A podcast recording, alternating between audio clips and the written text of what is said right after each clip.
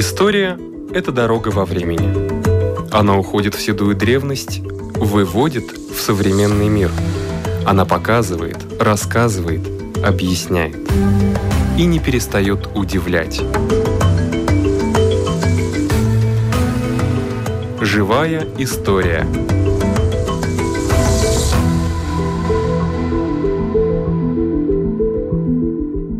У микрофона Лидия Чера.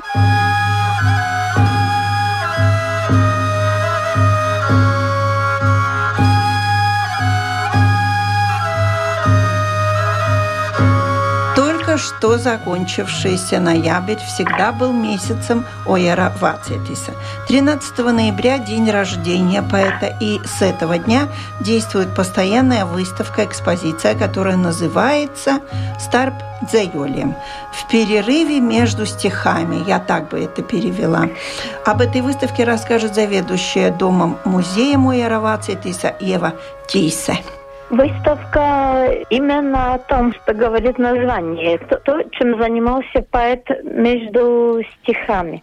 Он особенно в последние годы своей жизни, очень-очень дорожил своим свободным временем. Это время, когда в нем созревали новые стихотворения.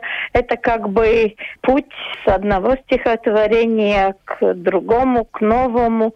Он говорил, что очень важно отрываться от того, что уже сделано. И очень важно было себя чем-то новым заполнить.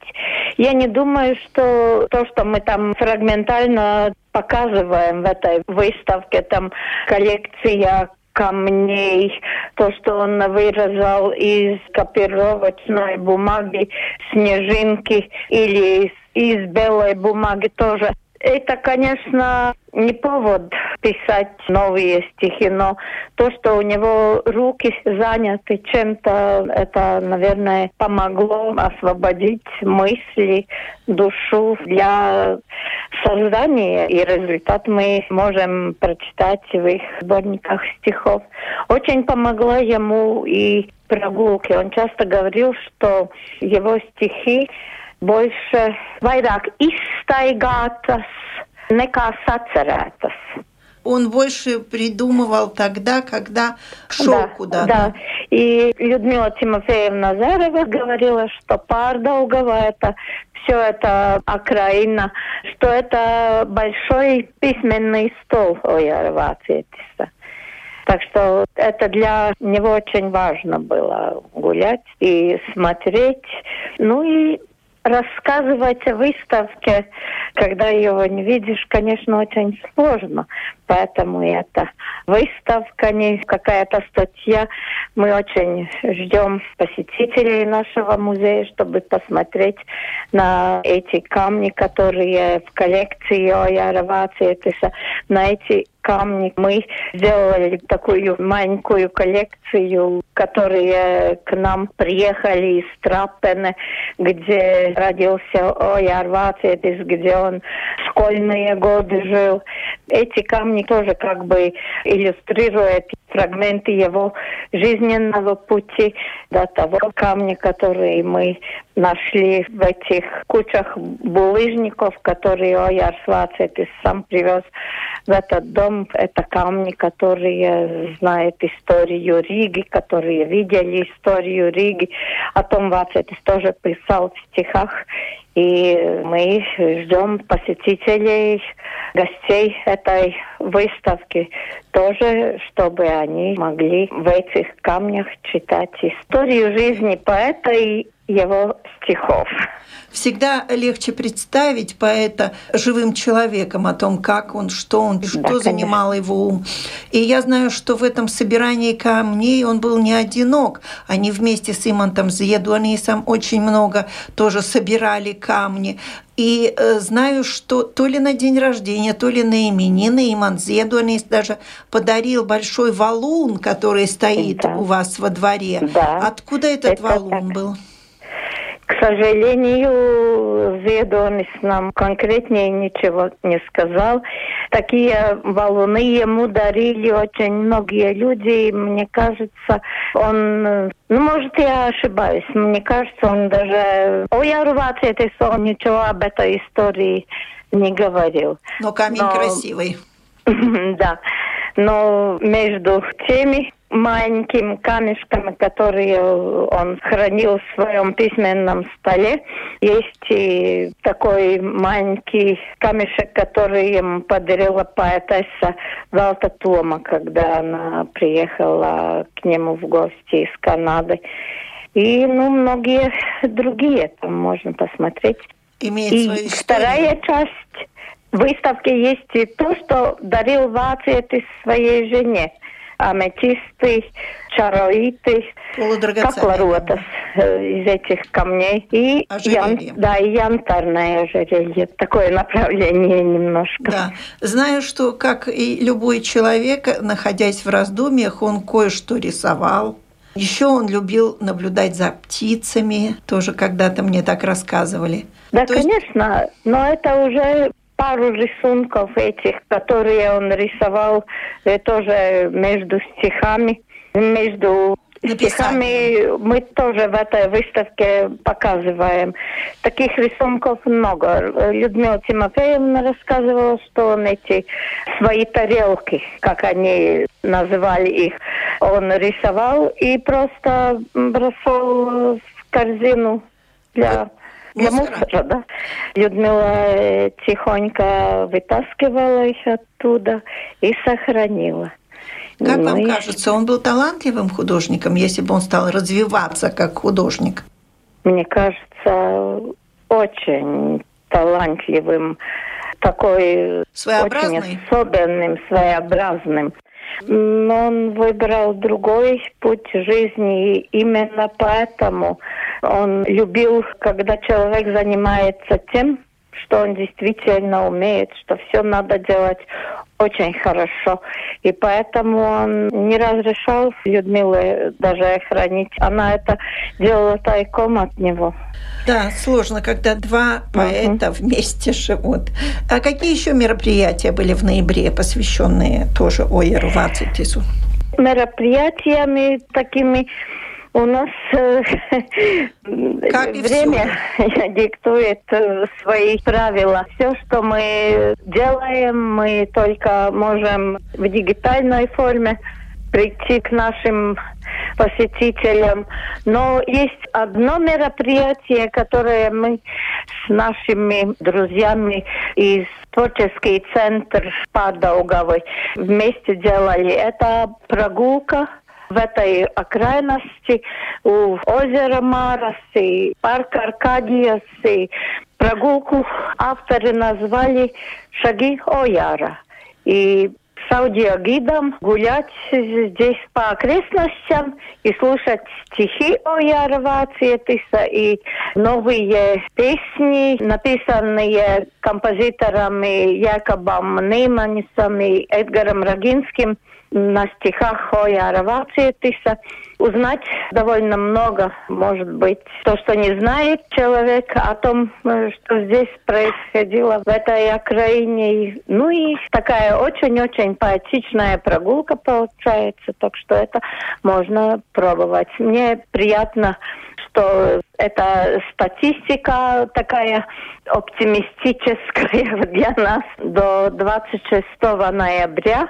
На этой прогулке побывали? На этой прогулке уже было почти 500 Человек. гуляющих людей. Ух ты. А что, можно прийти к вам в музей и получить аудиогид и пойти? Нет, нет, это по-другому. На берегу озера есть такой пульт, где находится и где можно сканировать этот QR-код и потом слушать в своем мобильном телефоне рассказ и эту музыку. Так что это прогулка в одиночестве, может, или с близким другом, как можно в это время и это в любое время суток можно? И в любое время суток, да. Как интересно. Надо будет обязательно приехать и послушать.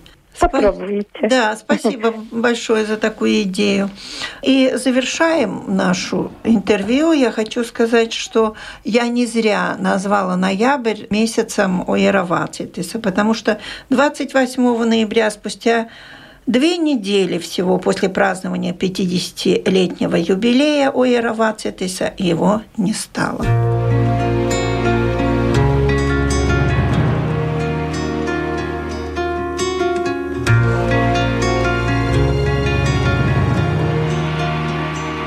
Сколько хожу по старому городу и вспоминаю, где показывали, где текла река Ридзене, в результате которой Рига получила свое название. А вот интересно, куда она все-таки делась? Говорят, что закон сохранения вещества должен работать в любом случае. Значит, где-то эти воды, наверное, есть. Историк Ирина Стрелла. Вопрос действительно, где у нас пропала река Ридзене, потому что название есть город Рига, Ридзиня, Ридзене, а самой реки, когда мы ходим по городу Риги, особенно по Старой Риге, мы больше в Старой Риге ни одну реку не видим. Осталось только название Рига, Ридзене, Ридзиня. И река Ридзене, она никуда не пропала, ее просто засыпали, но это не значит, что она умерла, что ее полностью нет, потому что там, где она текла, там еще что-то происходит. Дома, которые построены на засыпленной реке Ридзене, очень часто им вымывают подвалы, очень часто там какие-то ручейки появляются, какая-то неизвестная вода.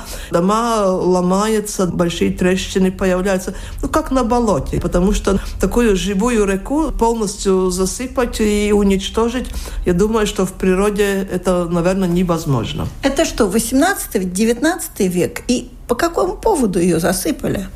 Начали ее засыпать в шведские времена, это в 17 век, и смертный приговор нашей реки Ридзени сделал наш сегодняшний городской канал или бывший крепостной ров. И вот когда шведы в 17 веке завоевали Ригу, тогда Густав II Адольф, шведский король, он первое, что он понял, что надо перестраивать всю оборонительную систему, и он начинает строить вот эти земляные валы, бастионы, но это уже было и раньше, но в принципе он это все завершает, и вокруг бастионов был выкопан крепостной ров. Он был примерно три раза шире, чем сегодняшний канал. Длина крепостного рова была 3 километра и еще немножко там метров. И вот он перекопал реку Ридзени, потому что река Ридзени, она у нас со стороны Пурцемса текла по сегодняшней территории, там, где улица Авота, там, где улица Дзирнову. Ну и там, где Бастионная горка, там эту реку Ридзени перекопал этот крепостной ров. И вот сейчас вода течет там сверху с Пурцемса, и по дороге ей попадается вот этот крепостной ров. А течение крепостного рова, ну как река Даугава нам течет, если он начинается около рыбного рынка, значит течение идет оттуда, и потом течение крепостного рова заканчивается там, где у нас сейчас пассажирский порт, где Таллинг стоит. Да. И вот это течение этого крепостного рова собирает сейчас воды реки Ридзени и уносит там, где у нас пассажирский порт. И вот этот участок реки Ридзени, который остается в Старой Риге, там уже свежая вода не попадает, потому что она вся уходит в крепостной ров, и поэтому там она становится такая стоячая, вонючая канава, плюс еще все рижаны там отходы выбрасывают, ну и поэтому и запахи, и болезни, и грязь, и поэтому уже в 17 веке начали его медленно засыпать, с обоих сторон засыпать, ну и так до середины 19 века.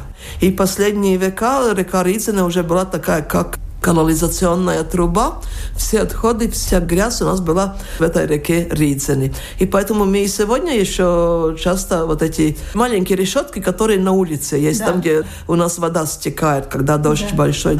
Старые люди, например, Александр Чакс или Даглаус Рига, поэты, они очень часто их называли Ридзиняс, потому что действительно последние сто лет это было как канализационное место, где стекали все эти грязные воды. Так да. что такое прозаичное, ну не очень очень-то красивое, ну, конец нашей реки Ридзени. Тот же самый канал, который вырыли, он иногда тоже напоминает что-то подобное, когда начинают сбрасывать туда всякие нечистоты, тоже не очень приятного вида.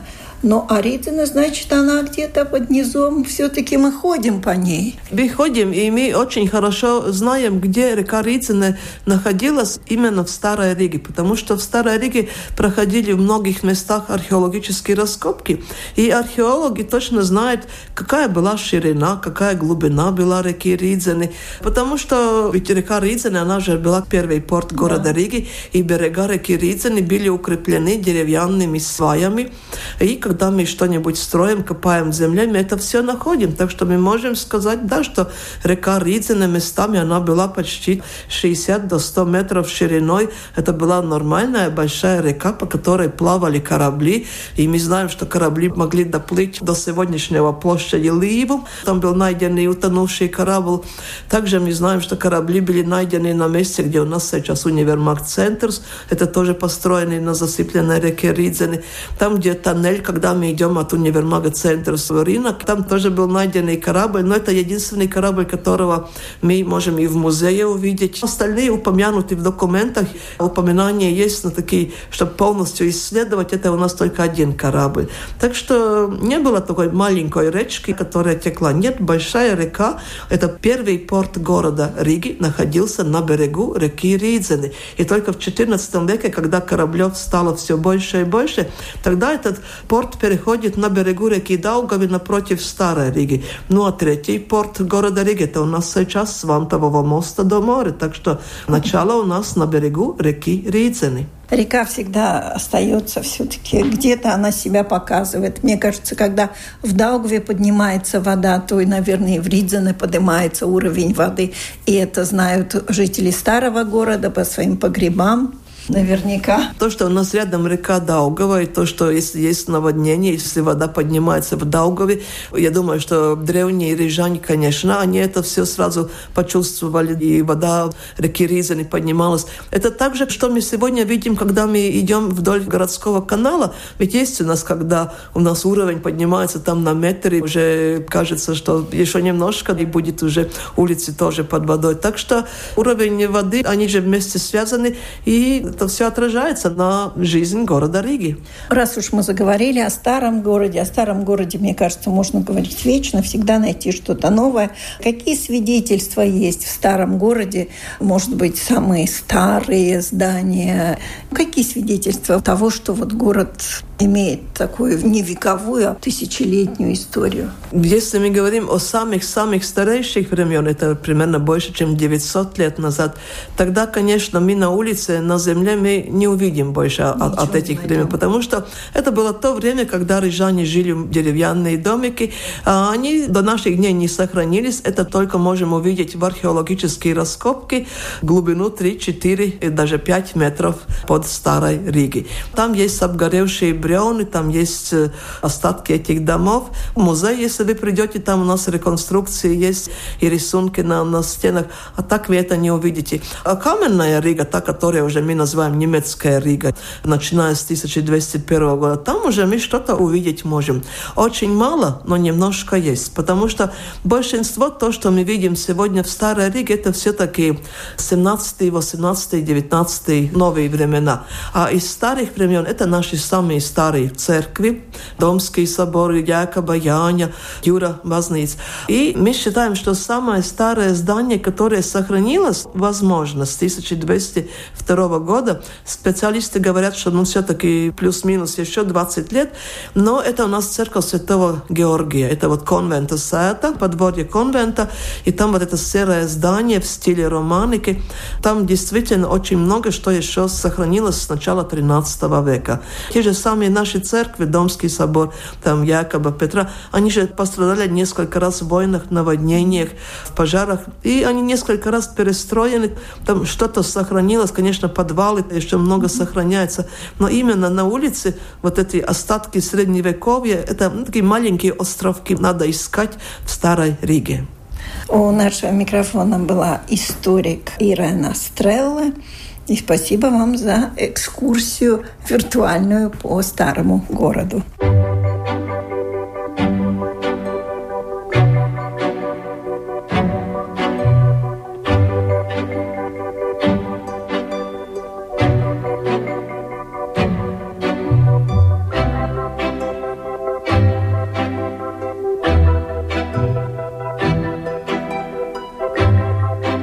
Любопытные факты из истории.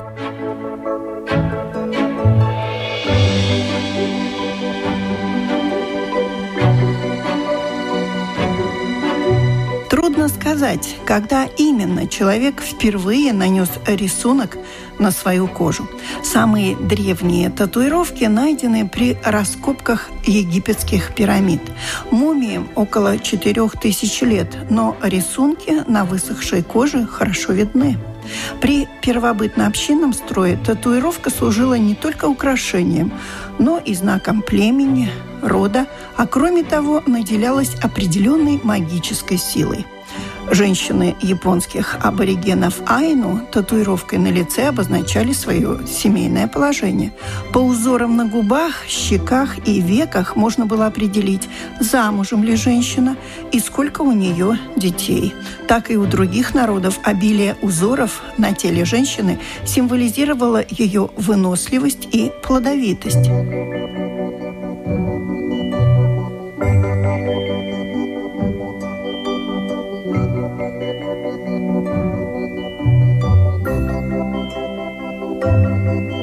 Однако магия тату использовалась не только дикарями. В XVIII-XIX веках британские моряки изображали на своих спинах огромные распятия в надежде, что это оградит их от телесных наказаний, широко практиковавшихся в английском флоте. У арабов самым надежным защитным талисманом считалась татуировка с цитатами из Корана. Во всех приведенных примерах татуировка так или иначе повышала социальный статус ее обладателя. В Древнем Китае одним из пяти классических наказаний была татуировка на лице. Также метили рабов и военнопленных, затрудняя им побег и облегчая их опознание. И греки, и римляне использовали тату для подобных целей, а испанские конкистадоры продолжили эту практику в Мексике и Никарагуа. Уже в нашем столетии, во время Первой мировой в Британии, татуировкой в виде буквы «Д» метили дезертиров. В Германии выбивали номера жертв жертвам концлагерей. Да и в СССР в режимных лагерях практиковалось то же самое – когда христианские миссионеры отправлялись в дальние страны обращать в свою веру дикие племена, моряки с их кораблей обзаводились там шикарными татуировками на память о путешествиях. Печально известный капитан Джеймс Кук внес наиболее весомый вклад в дело возрождения татуировок в Европе. Вернувшись из плавания в 1769 году, он привез в Таити не только само слово «тату», но и великого Амаи, сплошь инстатуированного полинезийца, ставшего сенсацией. И вскоре ни одно уважающее себя представление, ярмарка или бродячий цирк не обходились без участия знатного дикаря. И все же тату была привилегией моряков, горняков, литейщиков и других подобных профсоюзов, использовавших татуировку как символ братства, солидарности и верности традициям. Скудное воображение и сомнительный художественный вкус основных заказчиков привели к ограничению тату-репертуара репертуара морской тематикой, пошловатой сентиментальщиной и банальными афоризмами. Всю первую половину XX века ходили со стандартным набором незамысловатых лубочных картинок. И в Латвии в это же время татуировки накалывали три слоя населения – моряки, зэки и проститутки. Вот такие вот любопытные факты из истории.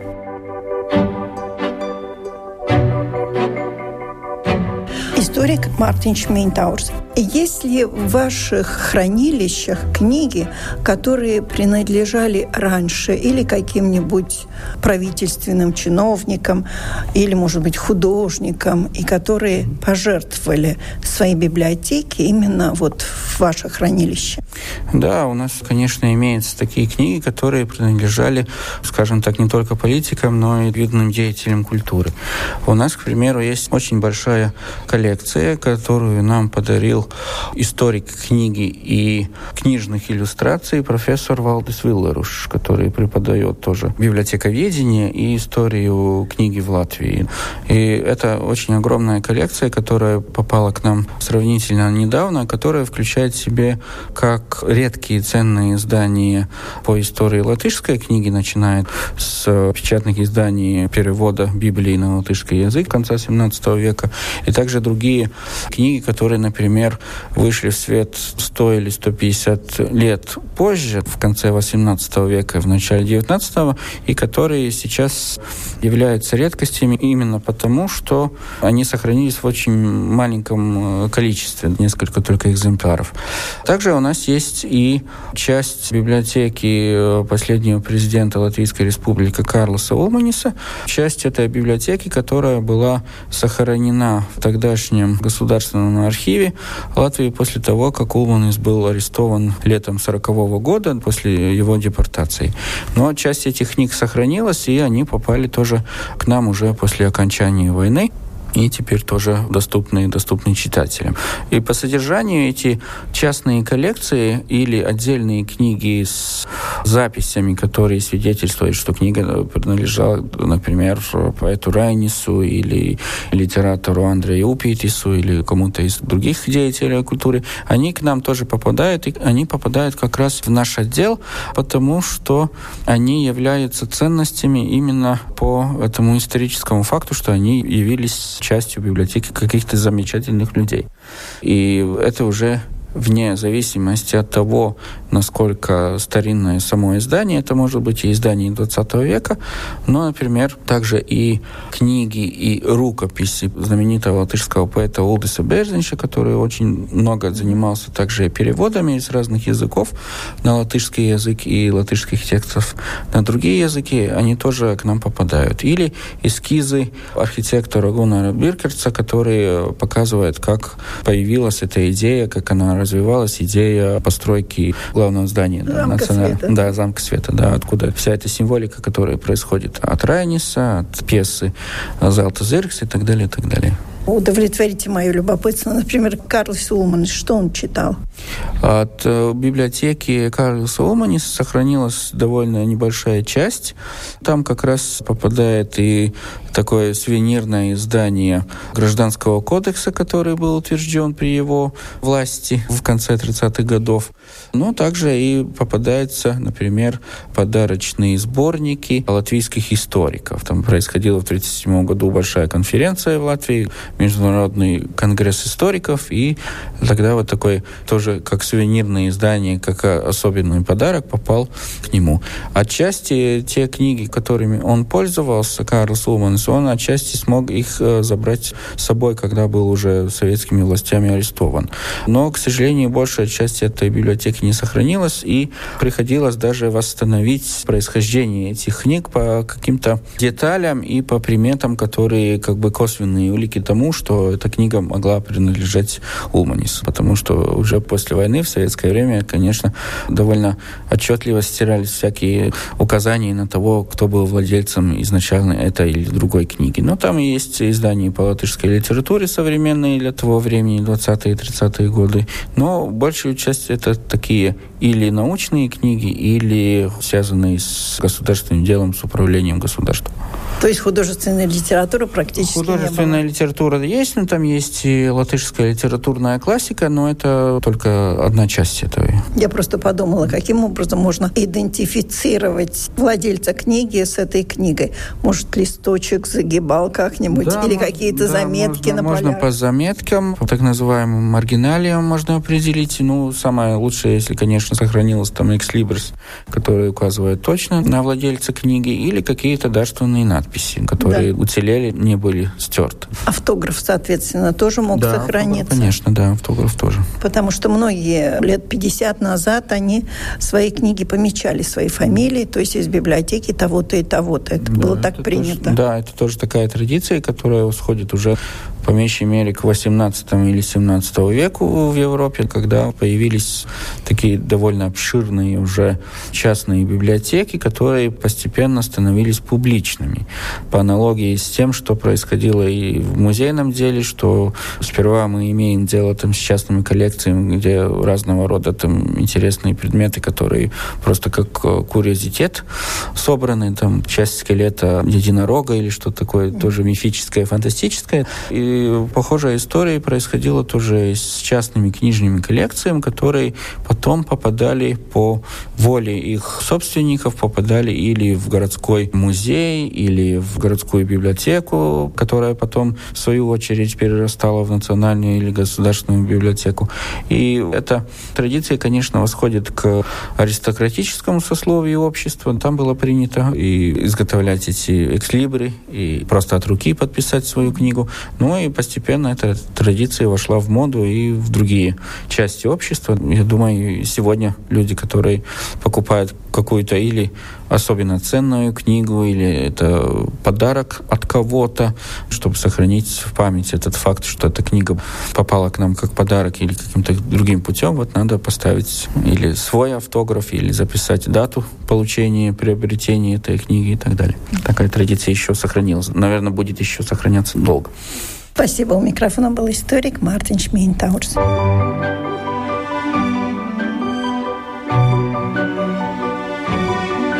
А на этом наша передача заканчивается. Всего вам доброго.